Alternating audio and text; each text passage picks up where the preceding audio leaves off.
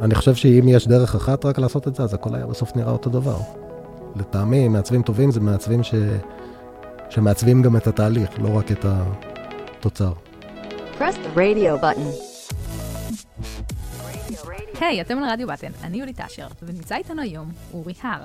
אורי הוא מלווה סטארט-אפים בתחום אסטרטגיה מיתוגית ומוצרית, והוא עובד בקרן הון סיכון א'. הפרק הזה הוא חלק מתוך העונה של הפרקים בשיתוף פעולה עם תוכנית המנטורינג של סטארט-אפ דיזיין. אז, אה, והורי הוא גם מנטור בתוכנית. נכון. אז נגיד היי להורי. אהלן. והי להינה. היי. היי. אז uh, אני מרגישה כזה מחוץ, לא קשורה קצת לפרק, כי בעצם אתם כבר מכירים לפני, ואני נתקעתי כאן uh, מול המיקרופון. את רוצה לשתף אותי מאיפה את מכירה את אורי? Uh, כן, אני אשמח. Uh, אורי היה מרצה שלי באחד הקורסים בחולון, ובקורס עצמו uh, בעצם בנינו uh, מיתוג סביב uh, התנדבות והפצה של... אקטים חיוביים, קראנו לזה החיידק החיובי. אני מניחה שהרבה מהסטודנטים שלמדו איתי צוחקים כרגע. אבל אה, עמדנו בשדרות רוטשילד, והצטלמנו עם אנשים, חייכנו, די. אה, חיבקנו אנשים, אה, עשינו כל מיני סרטונים עם הדג נחש, אני חושבת שהבאת, נכון? נכון. הקליטו אותנו איזה סרטון, והתחלנו להפיץ בשורה חיובית, ואני חושבת שזה הכי מתחבר בעולם לתוכנית ה mentoring, שבה מנטורים ומנטוריות מתנדבים ונותנים מזמנם לטובת הקהילה. וואו, מגניב. אז נוציא את כל המנטורים. סגרנו מעגל עכשיו לגמרי. לגמרי. בזכות הפרויקט. לא, אבל נשאר רק... זה חלחל בי עד היום.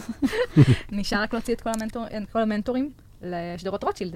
אה, כן, בהצלחה עם זה. אני נפנף לכם מהחלון. נפגשים עוד שבוע. אה, אז רק לפני שנתחיל, אני רוצה להודות ל Google for Startup Campus, שמאפשרים לי להקליט במקום המהמם הזה. קמפוס נותן לסטארט-אפים הזדמנות לקבל גישה למוצרי גוגל, חיבורים לתעשייה וידע בנוסף לתוכניות ואירועים לסטארט-אפים. אנחנו נמצאים כרגע ב Creator Studio, אולפן וידאו ואודיו מקצועי שזמין לסטארט-אפים בחינם. לעוד מידע, היכנסו לאתר שלהם. בשיחה סיפרת לי בעצם על ה... שהיית בארצות הברית, היית המעצב הראשון ב Houzz, משהו כזה? נכון, נכון. בעצם אה, אפילו אי אפשר להגיד שהייתי המעצב ב Houzz, כי לא היה Houzz, אלא בסוף התקופה שעבדתי ב Metacafe, ב Metacafe ניהלתי אה, את תחום ה... גם את תחום ה-user experience וגם את תחום הקריאיטיב בכלל. זה כלל דברים בתחום ה-user experience, אבל גם דברים בתחום הפרסום ובעוד הרבה נגיעה. זה היה בית ספר מאוד מאוד טוב, כי זה היה בזמנו אחד האתרים הכי פופולריים mm-hmm. בעולם. אה, ואת החבר'ה מהאוס פגשתי לגמרי במקרה. אה, שהם עוד היו משהו שהיה על סף הבלוג בכלל, עוד לא היה ממש מוצר. אה, וישבתי איתם במטבח של הבית שלהם, ובנינו את האסטרטגיית מוצר של האוס ואת האסטרטגיית מותג, והשקנו מה שהיה גרסה 2 של האוס, שזה בעצם הגרסה המוצרית הראשונה שלהם. וזה די מהר uh, התחיל להצליח. אז בעצם פשוט זה התחיל מ... מהבית, מאיזושהי, כאילו, ממקום הכי... Uh... כן, גם אה, כל המערכת יחסים שלי איתם הייתה מערכת יחסים חברית בכלל בהתחלה, ככה זה התחיל מזה שנפגשנו ב... הבת שלי הייתה בגן ב... ב Silicon Valley, הייתה מסיבה של ה... מסיבת יום הולדת של אחת הילדות מהגן, נפגשנו שם. אלון, שהיום הוא ה president של Houzz, אמר לי, תשמע, יש לנו איזה אתר, אתה יכול לתת לי כמה טיפים. נתתי לו כמה טיפים, אחרי כמה ימים הוא אמר, תשמע, הטיפים האלה מאוד עזרו לי, אולי נעבוד יחד. והתחלנו, וישבנו אחרי שעות העבודה, הייתי הולך אליהם, או בסופי שבוע, היינו יושבים אצלה. וואלה. ובשלב, באיזשהו שלב חזרתי לארץ, והמשכתי לעבוד איתם אה, מרחוק, כשכל כמה זמן הייתי נוסע אליהם לשבועיים, ככה, אבל במקביל הקמתי את לוליאן כשחזרתי לארץ. הקמת את לוליאן, ואז אה, בעצם אה, בשלב מסוים גם, היא גם נמכרה, נכון? נכון, אז אה, זה קצת קשור לאיזה חטא קדמון שהתחיל ב... כשהקמתי את לוליאן, אז כמו שסיפרתי, היו לי שני סטודיו לפני זה, וחלק גדול ממה שהפריע לי זה ההתעסקות בצדדים שהם לא קשורים לעיצוב, mm-hmm. והצדדים שהם פחות המקצועיים, אה, יותר עסקיים. Mm-hmm. אז כשהקמתי את לוליאן, אה, חיפשתי שותף עסקי להקים איתו את הסטודיו. ולמרות שהוא בן אדם נפלא שאני מאוד אוהב וביחסים טובים איתו עד היום, אני חושב שזו הייתה טעות, כי לקחת שותף עסקי שהוא לא מתחום העיצוב, mm-hmm. לתוך סטודיו אה, לעיצוב, יוצר, אה, מאוד קשה ליישר את האינטרסים mm-hmm. בין הצד העסקי לצד העיצובי. אז אה, נכון שזה הוריד ממני הרבה מהדאגות כשיש לך סטודיו משלך, של לרדוף אחרי Mm. אה, ספקים ולשלם משכורות וכל מיני כאלה דברים. אבל מצד שני, זה גרם לי לאבד הרבה מהשליטה ועל ההחלטה, אוקיי, איזה סיכונים אני מוכן לקחת, איזה סיכונים אני לא מוכן לקחת. וזה למעשה הוביל אותנו בסופו של דבר למכירה של הסטודיו, אמ, שבתור חלק ממנה הייתי אמור להפוך להיות שותף בחברה מהמם. אחרת, ואכן הפכתי להיות שותף בחברה הזו, אבל uh, הניתוח הצליח, אבל uh, אני קצת מתתי שם, אז uh, uh, המשכתי לדרך אחרת. אז ככה נטשת את הדבר שבנית מאפס? כן, אחרי תשע שנים, ו... וואו, חתיכת זמן. חתיכת זמן. אה, זה מצד אחד היה דבר שמאוד מאוד אהבתי, אה, מאוד אהבתי לעשות, מאוד אהבתי גם את האנשים שעבדתי איתם. מצד שני, אה, החטא הקדמון הזה שדיברתי עליו אה, רדף אותי לאורך כל הדרך, מהמם. וגרם לזה שאף פעם לא הרגשתי שאני עד הסוף מצליח לעשות את מהמם. מה שאני באמת רוצה לעשות. למה? כי הביזנס התנגש עם הדיזיין? אם תשאלי אותי, הוא לא התנגש. אה, אבל התפיסה של הביזנס התנגשה עם התפיסה של הדיזיין. זאת אומרת, אני כן חושב שכדי לבנות אה, סביבה קריאיטיבית שעובדת טוב, מאוד קשה לעבוד בצורה שהרבה עסקים בתחום הזה עובדים, שזה לספור שעות. ולחייב שעות ולשלם על פי שעות, כשזה שונה מהמציאות של איך דברים נעשים באמת. זאת אומרת, אה, סתם אני אתן דוגמה עוד אפילו מהתקופה שעבדתי בארצות הברית, שגם שם הכל היה מחושב על פי שעות, כשעבדתי מהמם. בסטודיו שם. אז אה, לכאורה עובד איטי וגרוע היה יותר טוב לסטודיו מ- Mm, מעובד חרוץ ומהיר. כי חייבו את הלקוח על יותר שעות. אז זאת אומרת, זה הקצנה קצת, אבל זה, הרבה פעמים יש את ההתנגשויות האלה בין התפיסה העסקית שמסתכלת על, אה, אוקיי, יש לי פועל אחד, אני אשים שני פועלים, אני אייצר כפול, עם מעצבים זה לא עובד ככה. מהמם. מעניין. אני חושבת שבאמת זה מה שגורם שהרבה חברות היום עוברות למתכונת של, אה, אה, שלא סופרים שעות, אלא מנסים יותר לספ... אה, לתת את הדגש על התפוקה. כאילו חברות גדולות כמו מייקרוסופט, אה, גוגל, הם לא מעבירים שם נוכחות. כן, העניין הוא שחברות כמו גוגל ומייקרוסופט לא מחייבים בסוף לקוח. מהמם. הם בסוף. אה, מתפרנסים ממקום אחר בקצה. אז התפוקה נמדדת אחרת, אבל אם מהמם. מחייבים לקוח לפי שעות, ואז אה, אז סוף מתחילים לספור את השעות. ואני אני בכלל מאמין שאתה הופך להיות מה שאתה מודד. מהמם. ואם מה שאתה מודד זה שעות, אז אתה לא מודד את האיכות הרבה פעמים. האמת, מעניין מאוד המשפט הזה. אפשר נראה לי... זה, זה לא משפט שאני מבין. לא. אני חושבת שאפשר לעשות על זה פרק. אבל הגענו לדבר באמת על נושא אחר. בכלל נדבר היום על האתגרים בהקמה וניהול של צוות. אז אורי, אתה ניהלת שלושה סטודיואים? שלושה שלי, ועוד כמה שהם לא היו שלי. זאת אומרת, גם בסטארט-אפים, גם ב-agencies גדולים. אז בעצם מה, מה האתגר העיקרי בלהקים צוות עיצוב מאפס? האתגר, אה, כמו בכל צוות שמקימים, זה למצוא את האנשים הנכונים. קודם כל, אה, גם אנשים שתהיה בינם כימיה, גם אנשים שיהיו, שיהיה בהם איזון נכון של אה, כישורים ו- ויכולות, והרבה מזה זה גם שיהיה איזון נכון של אגואים, שזה דבר לא קל. אני חושבת שנגעת בנ... בנקודה. מה זה איזון נכון? אה, אני יכול לספר למשל שבסטודיו האחרון שהיה לי, לוליאן, אחד הדברים שהייתי אומר לאנשים בראיון עבודה, זה שזה לא מקום לאנשים עם אגו. אה, ואני חושב שזה מאוד התבטא אחרי זה גם בסוג האנשים שהגיעו לסטודיו ובאופי העבודה המשותפת, שזה לא היה... בכל מקום יש פוליטיקה כמובן משלו, אבל הפוליטיקה אה, הייתה מאוד מאוד עדינה ומאוד אה, בונה בגלל זה. אה, וראיתי מקומות וראיתי אנשים שהיו מאוד אה, מוכשרים, והיו בהם אנשים מאוד מאוד מוכשרים, שהאגו קלקל את זה.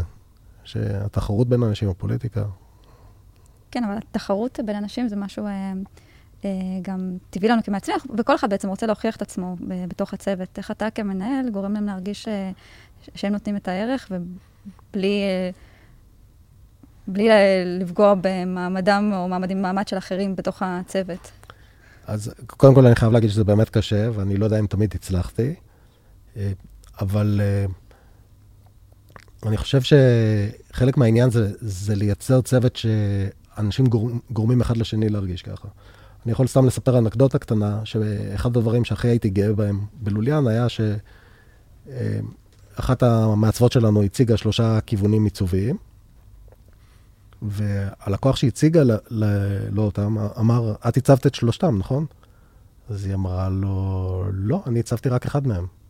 אז הוא אמר לה, אני לא יכול להאמין, כי אני לא, לא יכול לנחש איזה מהם את הצבת. יפה. זאת אומרת, היא, היא כל כך פרגנה וכל כך לא, לא שמה את עצמה לפני ה- ה- האחרים. ובאותו רגע הייתי מאוד מאוד גאה בזה שהצלחנו לייצר משהו כזה, ואני חושב, שוב, שום, שוב מקום לא מושלם, ויכול להיות שזו התפיסה שלי, ושאם תשאלו את מי שעבד אצלי, הוא יגיד לכם מישהו, משהו אחר, אבל לתחושתי לפחות, הצלחנו לייצר אה, סביבה אה, כמעט חפה מ- מאגו. גייסנו את האנשים, ועכשיו בעצם צריך לבנות איזושהי מתודולוגיית עבודה. אמ, איך בונים את זה בפעם הראשונה? אז אה, אה, אחד הדברים החשובים זה תהליך שהוא אינקלוסיבי. זאת אומרת, אה, כמובן ש, שמי שעומד בראש בדרך כלל מוביל את החזון, אבל החזון הזה צריך לת, להתאים לצוות, ובגלל זה הצוות צריך להיות שותף מהמם. בבנייה של המתודולוגיה. המתודולוגיה צריכה להיות הגיונית, היא צריכה to make sense, כי אחרת אה, אנשים ימצאו דרך אה, לעקוף אותה ולעשות את מה שהם מבינים. אז זה חייב להיות משהו שהם מבינים, ו- והם מבינים למה, ולמה הוא טוב. ומאוד חשוב גם לחשוב על הדרך שבה עושים onboarding למישהו חדש לתוך המתודולוגיה הזו. מהמם. וזה אחד, אחד המקומות שהרבה פעמים בסטארט-אפים, למשל, זה מתחיל ממעצב או מעצבת יחידים, שעובדים באיזושהי דרך שהם רגילים לה, ואז מצטרף עוד מעצב או שניים, אבל זה בתוך uh, תהליכי עבודה, ואז אין לאף אחד זמן לתעד את זה ולבנות איזשהו סיסטם סביב זה. ואז עושים איזשהו עצור באיזשהו שלב ומנסים לסדר את זה, אבל תמיד אין מספיק זמן. אז זה אחד הדברים שצריך לשאוף אליהם, לדעתי, בהקמה של אה, צוות, זה לנסות כבר מההתחלה, בתור חלק מהתהליך ובתור חלק מהבנייה, גם לקבוע סטנדרטים, מהמם. לעשות איזושהי התחלה של תיעוד, כדי שהאנבורדינג אחרי זה של אנשים חדשים יהיה הרבה יותר uh, קל ולא יהיה... כן, אני לא זוכר, יכול להיות שיש לנו פקד לזה, יכול להיות שאין לנו, יכול להיות שעשינו פעם משהו כזה, יכול להיות שלא עשינו, אף אחד לא זוכר, אף אחד לא יודע איפה זה, באיזה תיקייה זה שמור, ו... אני חושבת שבעצם נגעת כאן בנקודה שהיא אה, מאוד נכונה, כי כשסטארט-אפ קם, אז זה באיזשהו מצב כזה של הישרדות, של בואו נעשה דברים נכון. כמה שיותר מהר, רק לשרוד את הסבב גיוס או את השלב הבא, ואז בעצם מגיע השלב שפתאום אפשר קצת לעצור, לנשום ולהתחיל לגייס. ובעצם מה שיש בשלב הזה זה הרבה הרבה בלאגן, נכון. ועכשיו להכניס אנשים נוספים לבלאגן הזה, זה, זה יהיה אסון. נכון, והרבה ממה שאני עושה היום, אה, זה להיפגש עם סטארט-אפים שהם בדיוק בשלב הזה, או אפילו שלב קצת יותר מאוחר, שהם כבר גייסו את עוד אנשים ויש להם הרבה בלאגן, ולעזור להם לעשות סדר בתוך כל הדבר הזה. אז אה, איך עושים סדר? אז הסדר, שוב, זה מאוד תלוי בשלב, אבל אה, אם זה בשלב יותר מתקדם, אז אחד הדברים שמאוד מאוד חשוב להבין, זה בכלל מה החברה רוצה לעשות אסטרטגית, למי היא פונה, אה, ולפתח איזושהי אסטרטגיה כדי שיהיה איזשהו בסיס אה, הגיוני לכל מה Mm. שעושים. מהמם. אה, אני אתן אה, דוגמה, אם אנחנו אומרים ש... אני עכשיו סתם ממציא משהו, דוגמה שהיא דומה למשהו שאני עובד עליו עכשיו. אם יש לנו אתר שאנחנו אומרים שהוא של, של בשלנים בשביל בשלנים, Mhm. אוקיי? ובעצם אנחנו מרמזים על זה שהאתר שלנו הוא אתר UGC וכן הלאה. אם אני אשתמש בתוך המוצר שלי בתמונות סטוק, מהמם. למשל, זה לא קשור למהות של, של המותג ושל המוצר. אה, וזה נראה מודבק. אה, אז למשל דבר כזה יכול להכתיב איזה סוג תכנים יהיו לי. האם התכנים יהיו אה, תכנים שכותב כותב מקצועי או תכנים שהמשתמשים שלי כותבים? האם התמונות שאני משתמש בהן הן תמונות סטוק או תמונות, אה, או תמונות שעשיתי פוטושופ במיוחד בשבילם או תמונות של משתמשים? אה, אפשר ממש לראות את החברות ששמות אסטרט... שיש להן אסטרטגיה ושפה אחידה, מהשלב של הפרסומות עד השלב של המוצר, וזה מדבר, והמסר עובר. מה שקורה היום, זה שאני חושבת שרוב המקומות עדיין זה מופרד באיזשהו... מפרידים את ה-UX, את העבודה על המערכות, לבין Mhm. ה marketing. נכון, ואני חושב שזו טעות, אה, וזה מייצר הרבה פעמים אה, גם, חוץ מזה שזה מייצר אה, תוצרים פחות טובים, זה הרבה פעמים מייצר דיסוננס בין חלקים שונים בחברה. יכול להיות שיש את ה... תמיד את התלונה הזו שאומרים שהאנשי סיילס מכרו משהו שבכלל אין לנו במוצר, Mhm. ועכשיו אנחנו צריכים לרוץ לפתח אותו. ואני חושב שכשכולם מיושרים אסטרטגית, הדברים האלה פחות קורים. אה, כי, ו, ובאמת זה חלק מה, לפחות האמונה שלי, שמותג ומוצר זה לא דברים נפרדים, וכל הדברים צריכים לדבר באותה שפה. אה, אבל לא רק לדבר באותה שפה, זה לא רק שפה ויזואלית, זה העקרונות המהותיים של מה החברה הזו, מה העקרונות שלה, לא העקרונות האלה שלוקחים מתוך רשימה של עשר מילים שכולם משתמשים בהם, ואז יש אה, שישה עקרונות, כי ככה צריך, ואחד מהם תמיד זה innovation, והשני זה human, והשלישי זה friendly. אה, אלא ממש להסתכל פנימה ולהבין, אוקיי, מה המהות של החברה הזו? מה היא עושה בשביל האנשים? מה אנחנו רוצים שאנשים ירגישו? מה אנחנו רוצים שהם ירגישו לגבי עצמם? מה אנחנו רוצים, ש... איזה ציפיות אנחנו רוצים ל... אה, ליצור אצלם, ולמה אנחנו מתחייבים בעצם? כי זה המותג שלנו, זה מה, מה אנחנו יכולים to deliver consistently. זה, זה, זה, זה המוצר שלנו, זה המותג שלנו, אה, וזה המהות, גם פנימית לעובדים, גם החוצה ל... ל- לספקים, ל- למשתמשים וכן הלאה. מי בעצם אחראי על להגדיר את האסטרטגיה הזו? זו שאלה מאוד מאוד טובה.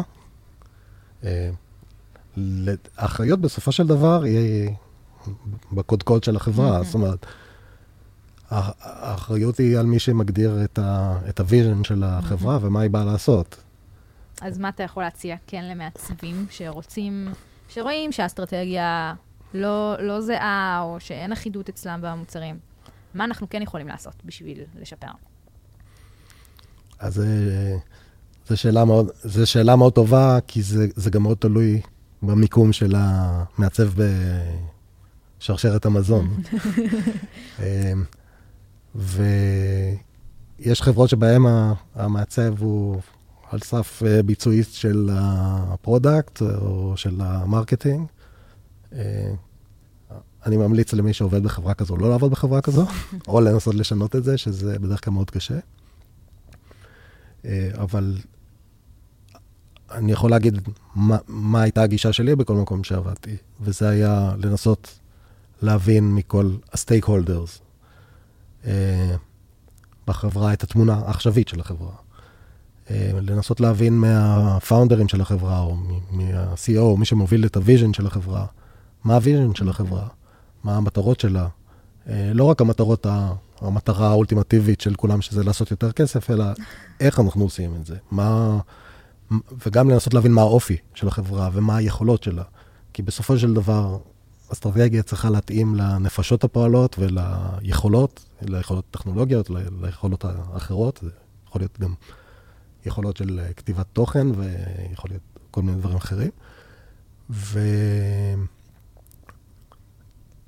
חשוב גם לדבר עם הקהל יעד, או לפעמים זה קהלי יעד, זאת אומרת, זה יכול להיות, למשל, אה, אה, באתרים מסוימים זה יכול להיות קונים ומוכרים, שזה שני קהלים שונים של אותו אתר, אה, וצריך להבין, אוקיי, מה, מה החזון שלנו כחברה ומה המהות שלנו כמותג, אומר לקהל הזה ולקהל הזה. מה אנחנו רוצים שהמוכרים שלנו אה, ירגישו אה, לגבי עצמם ולגבינו, מה, מה אנחנו יכולים להבטיח להם. אותו דבר לגבי הקונים שלנו, ואיך אנחנו יכולים לקחת את האינטרסים של שתי הקבוצות האלה ושלנו, וליישר אותם. זה יפה שאנחנו כבר מגיעים למסקנה שמעצב, בטח כזה שכבר בשלב שהוא מגייס וצריך להבין את הביזנס. כל פעם חוזרים למסקנה הזאת. לגמרי, אני חושבת שבאמת איכשהו המעצב היום מחבר בין כל הצוותים השונים, וכן, כי גם בדרך כלל אה, מעצבים מגיעים עם, אה, עם רקע בבניית אסטרטגיה, בחשיבה אה, עיצובית, זה- שזה גם יכול לעזור לבנייה. אני חושב, אבל דבר אחד שמאוד חשוב להגיד בעניין הזה, זה צריך לבוא מעמדה מאוד צנועה, לדעתי. ואחת הבעיות זה, ואני חושב שאני גם חטאתי בזה בהיסטוריה שלי, אבל כשאנחנו מגיעים ואומרים, אנחנו אלה שמיישרים את הכל, אז אנשים אומרים, מי אתה שאתה תגיד לי? אני איש sales, מה אתה מבין ב sales? אז צריך מאוד אה, לחשוב איך אה, עושים roll-out של הדברים האלה בצורה שהיא, א', אה, משתפת את כולם בתהליך, וב', אה, אה, נותנת להם כלים שבאמת עוזרים להם בעבודה שלהם. ופה אנחנו הרבה פעמים אה, נכשלים. אני חושבת שזה הטיפ הכי טוב, שזה בכלל מדבר על מערכות יחסים, על איך בעצם להצליח לקחת רעיון, גם אם אנחנו עכשיו לא בקודקוד הכי גבוה, ולהצליח לחלחל את זה למעלה. נכון, ואני חושב שהמילת מפתח היא מערכת יחסים, ואחד הדברים שחשוב להבין בכלל, בתוך, אה, בטח בסטארט-אפים, בחברות שיש להם מוצר או שירות, שאין אף פעם סוף. זה באמת מערכת יחסים שצריך לעבוד עליה. גם עם המשתמשים שלנו, גם עם, בתוך הצוותים שלנו, גם עם האנשים שאנחנו מנהלים, עם, עם העובדים. ומערכות יחסים מצליחות, אין להם סוף. זאת אומרת, אה, או שיש להם סוף, אבל אז זה רע מאוד, אבל אם אנחנו רוצים אה, שמערכת יחסים תעבוד, צריך לתחזק אותה כל הזמן. יפה. איך בעצם אנחנו לוקחים את אותה אסטרטגיה מיתוגית, ובעצם אה, יוצרים ממנה מתודולוגיית עבודה לצוות העיצוב? אוקיי, אז פה באמת, אז כמו שאמרתי, אה, יש... אה, קודם כל זה מצריך עבודת מחקר. עבודת מחקר היא... יש כמה דברים שצריך להבין. צריך להבין, שוב, את המטרות של החברה, ממש להבין את החזון והמטרות, ו- ולא רק איפה אנחנו היום, אלא איפה אנחנו רואים את עצמנו בעתיד, ומה העקרונות שמנחים אותנו. אה, להבין את הנפשות הפועלות בחברה. זאת אומרת, להבין מה מניע את אנשי ה sales, מה מניע את ה marketing, למה, מה, מה המטרות של מנהלי המוצר אצלנו, אה, וכן הלאה. אז זה צד אחד של זה, בכלל להבין את, ה, את, הקנבס שלנו, מי המשתמשים שלנו, מה הרצונות שלהם, הצרכים, ההרגלים, החששות, הציפיות שלהם. אה, להבין, אה, יש אה, את האמרה הזו של אה, הנרי פורד, שמעצבים נורא אוהבים להגיד, אם הייתי שואל את המשתמשים שלי מה אני צריך, הם היו אומרים סוסים מהירים יותר. סוסים מהירים יותר זו תשובה מאוד טובה, כי היא מצביעה על צורך. אז נכון שהמעצבים לא יעצב, שהמשתמשים לא יעצבו את המכונית, אבל הם, הם כן הצביעו על הצורך. אז הרבה מזה זה להקשיב ולהבין מה, מה מאחורי מה שהם אומרים. מאחורי הסוסים המהירים יותר, זה, הם צריכים אמצעי תחבורה יותר מהיר ממה שיש להם היום. אמ, אז, אז כמובן, המחקר אה, משתמשים, וגם הבנה של הסביבה שבה אנחנו עובדים. מה מתחרה בנו? אה, מתחרה בנו זה לא בהכרח תחרות ישירה, זה יכול להיות גם מתחרים ישירים, להבין אה, מה האלטרנטיבה של המשתמשים, כדי להבין טוב מאוד מה אנחנו יכולים להציע להם שהאלטרנטיבה הזו, שהיא יותר טוב מה, מהאלטרנטיבה. אה, והאלטרנטיבה הזו לא חייבת להיות אה, מוצר מתחרה, זה יכול להיות אה, הרגל מתחרה, או דרך ישנה שהם עושים בדברים ושהם לא רוצים לשנות. אז אה, זה חלק מזה. אחרי שעשינו את כל זה, אז צריך אה, ל- ל- באמת לתקשר את זה החוצה גם. ל- ל- ל- להגיד, אוקיי, בהינתן כל הדבר הזה, בואו נחשוב.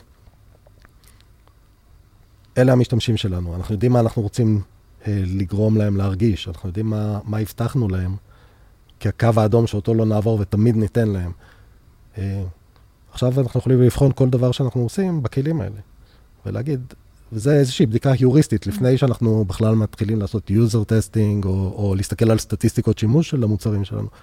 בכלל להגיד, האם, על פי מה שאנחנו הגדרנו, האם אנחנו עומדים בסטנדרט. אז אפשר להוציא את המוצר ובאמת לבחון אותו ולעשות לו אופטימיזציה וללטש אותו ולשנות אותו אה, בהתאם ללימוד. אז בנינו אסטרטגיה, והצוות כבר מכיר את האסטרטגיה. איך בפועל אני עכשיו הולכת ולוקחת, יש פיצ'ר, עומס של עבודה, לחץ, בלאגן, אמ, איך אני מחליטה עכשיו כמה זמן אני מקדישה לריסרצ', כמה זמן לסקאץ', כאילו, או ישר קופצת לעיצוב, וגם למי להביא, למי להביא את העבודה לאותו פיצ'ר, איזה מעצב, או מעצבת בצוות. אוקיי. אז אני, אני חייב להגיד שזה מאוד שונה ממקום למקום, ואפילו באותו מקום מתהליך לתהליך. ופה אחד, אחד העקרונות, אני חושב, הכי חשובים, זה לחשוב יותר באמת בצורה של uh, procedure מאשר של process. זאת אומרת, ל- התכנון צריך להיות תכנון הגיוני, זאת אומרת, זה גם uh, לחשוב עלות תועלת, ואני אני לא מדבר כרגע uh, רק מבחינת uh, כסף, אלא אני מדבר גם מבחינת אימפקט. אם אנחנו חושבים שזה פיצ'ר שיהיה לו אימפקט מאוד uh, משמעותי, אז כמובן ששווה להקדיש יותר זמן למחקר ויותר זמן ל, uh, לביצוע. אם זה פיצ'ר שהוא, אוקיי, okay, nice to have, אז uh, כמובן שגם מבחינת ה, ה, הנזק שהוא יכול לעשות, או מבחינת התועלת שהוא יכול להביא, אז, אז האפקט שלו הוא כזה, וככה הייתי מנסה לשערך את זה. אני יודע שזה נשמע כמו קצת אה, כמו לשים רוק על האצבע ולהחזיק אותה ברוח, אבל אה, זה דבר שגם מפתחים אה, אה, מיומנות בו. אה, זה, אין מה לעשות, צריך להשתפשף. ולשאלתך לגבי האם wireframes קודם, אה, עיצוב, זה גם אותו, את אותו היגיון אני מנסה להפעיל. אני, אני בכלל מסתכל על עיצוב כדבר פונקציונלי, גם אסתטיקה, גם, אה, גם הדברים הכי יפים, גם הדברים הכי מאוירים, יש להם תפקיד פונקציונלי. לרגש יש תפקיד פונקציונלי. אמ, ואז צריך לחשוב, אוקיי, כמה, כמה במקרה הזה זה הולך להשפיע על, החוויה. כי אם, אם זה משהו שהוא לגמרי, חוויה שהיא מאוד תלוית רגש, אז אה, אין הרבה טעם לב- לבדוק אותה עם אה, lorem ipsum ועם wireframes אפורים. אם אנחנו רוצים לבדוק האם מבינים פונקציונליות של איזשהו פקד, אז זה משהו אחר.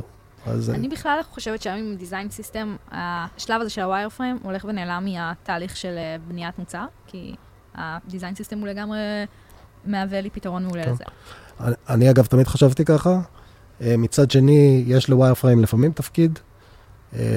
זה דווקא אולי פחות ב- בסטארט-אפים, אבל למרות שגם בשלב מסוים של סטארט-אפ זה יכול להיות, אבל הרבה פעמים בעבודה מול לקוחות, לקוחות עיצוב, רוצים להפריד את הפונקציונליות מהטעם, ולפעמים הבנייה של שניהם קורית במקביל. זאת אומרת, אה, מצד אחד בונים להם מותג או, או שפה עיצובית, ומצד שני רוצים להתקדם עם הפונקציונליות. ואז לא רוצים להראות להם עם, את זה עם איזשהו עיצוב שהם עוד לא התאהבו בו, אה, כי את, הם יכולים לפסול פונקציונליות על טעם ולא על הפונקציונליות עצמה. כן, כשמדובר בלקוחות זה בהחלט, אה, התהליך עובד קצת אחרת. כן. גם יש כאן גם הרבה את האפקט של השיווק, של להראות את החשיבה, ואי אפשר להציג להם אה, דפים אה, מקושקשים, או להביא להם את הלוח שלנו לפגישה. כן. אה, זה גם מאוד תלוי, אבל במערכת, אם זה בתוך סטארט-אפ, זה מאוד תלוי במערכת יחסים בתוך הצוות. כמה דמיון יש לאנשים, כמה הם יכולים להבין מ- מלראות סקיצה מאוד מהירה, או כמה היי-פיי או לואו-פיי אפשר לעשות את זה. אז בעצם אין, אין איזושהי דרך שהיא תמיד קבועה וברורה, ויש כאן גם הרבה בעצם את העניין ה... להפעיל את הרגש ואת השכל ולהתאים כל פעם את הפרוסס לצורך. כן, אני חושב שאם יש דרך אחת רק לעשות את זה, אז הכל היה בסוף נראה אותו דבר. אני חושב שזה חלק מהכיף במקצוע שלנו, אבל זה באמת חלק מהמהות של, אה, של עיצוב. זה, התהליך עצמו הוא נורא נורא חשוב. לטעמי, מעצבים טובים זה מעצבים ש, שמעצבים גם את התהליך, לא רק את התוצר. אז איזה טיפ יש לך ללעצב את התהליך נכון? לעשות uh, מחקר, לעשות תכנון, ו... ולעשות את זה לא כלאחר יד. אני רואה אהה. הרבה פעמים שזה נעשה uh, כי צריך. Uh, צריך לאהוב את החלק הזה. Uh, שוב, אני לא יודע אם אני יכול ללמד מישהו לאהוב את זה, אבל uh, אני חושב שמי שעושה את זה, בסוף מייצ... באיזשהו שלב נופלת התובנה שזה נורא נורא עוזר. אני רואה את זה אפילו עם אנשים שהם לא מעצבים. אני, בקרן הון סיכון שאני עובד בה, אני עובד הרבה על הכלים הפנימיים, ולפני שהגעתי לשם, אה, המפתחים היו אה, פשוט בונים את הכלים. ובהתחלה הם היו מאוד ספקנים, שאמרתי להם שצריך לעשות אה, מחקר ולראיין משתמשים, ו... ולפני כמה ימים ניגש אליי אחד המפתחים ואמר לי, זה שינה לי לגמרי את איך שאני עובד. וואו. והוא לא יודע את זה, אבל הוא בעצם קצת הפך למעצב. טוב, יפה, אנחנו כבר אה, מתקרבות, אה, מתקרבים לסיום. אה, הנה, יש לך איזה... האמת שאני אשמח לחזור רגע אחורה, דיברנו על לגואים של מעצבים. דוגמה בתור מעצבת יחידה בסטארט-אפ, מגיע השלב שבו אתה הופך להיות מנהל ומנהלת וצריכה לגייס, ואתה רגילה, אני רגילה שאני אחראית על העיצוב. אני, אה, ואיך בעצם אתה לומד לשחרר ולתת לצוות שלך גם להוביל עיצוב? זו שאלה מאוד טובה, ואני חושב שלקח לי לא מעט זמן, אני מקווה להגיע למצב הזה. הרבה מזה זה אה, נובע מזה שמגייסים את האנשים הנכונים, ושזה ממש שאלה של אמון. אה, אם גייסתי מישהו, קודם כל, עצם העובדה שגייסתי מישהו, זה אומר שאני נותן לבן אדם הזה אמון. ואם לא, אז כנראה שלא הייתי צריך לגייס את הבן אדם הזה. ואז uh, האמון הזה צריך להיות uh, מוחלט. ואחד הדברים ש... שהיה קורה, למשל, בסטודיו שלי בלוליאן, uh, אנשים היו מציגים, מציגים לי משהו, והייתי אומר להם את דעתי, שהיא הייתה יכולה להיות שונה ממה שהם עשו, והייתי אומר להם את הסיבות לדעתי, ואומר להם בסוף שזו החלטה שלהם, כי הם המעצבים. Um, עכשיו, שוב, צריך לזכור שגם סטודיו זה עסק מסחרי, ולפעמים יש גם את הלקוח, ולפעמים אה, מי שמוביל את הצוות יודע דברים שאחרים בצוות לא יודעים, למרות שזה לא מצב אידיאלי, אידיאלי מבחינתי שקיפות ואמון מלא. אה, אז לפעמים צריך להגיד, אוקיי, אני צריך אה, to put my foot down ולהגיד, לא, זה, צריך לעשות את זה אחרת, אבל גם במקרה כזה צריך להסביר את הרציונל מאחורי זה. ול, ואני חושב שחלק מהעניין זה באמת לגייס את כולם למען אותה מטרה. Mm-hmm. זאת אומרת, אם מישהו הוא אגו-מניאק ומחליט שהוא צריך לעשות משהו כי ככה אמרתי, אז אף פעם אנשים אחרים לא יתגייסו mm-hmm. למען אותה מטרה וירגישו חלק מאותו... אה, הם לא ירגישו חלק מהצוות, הם ירגישו ביצועיסטים. אז אה, זה, זה אני חושב, הסוד זה אמון, וגם אם חייבים אה, ממש להנחית משהו, להסביר למה. אה, אז אני חושב שזה המון אמון וכנות. אה, היה עוד משהו שרציתי להגיד, אבל... אני חושבת שזה גם הרבה שאלה של אה, מה ה-level של המעצב שאתה, של המעצבת שמגייסים.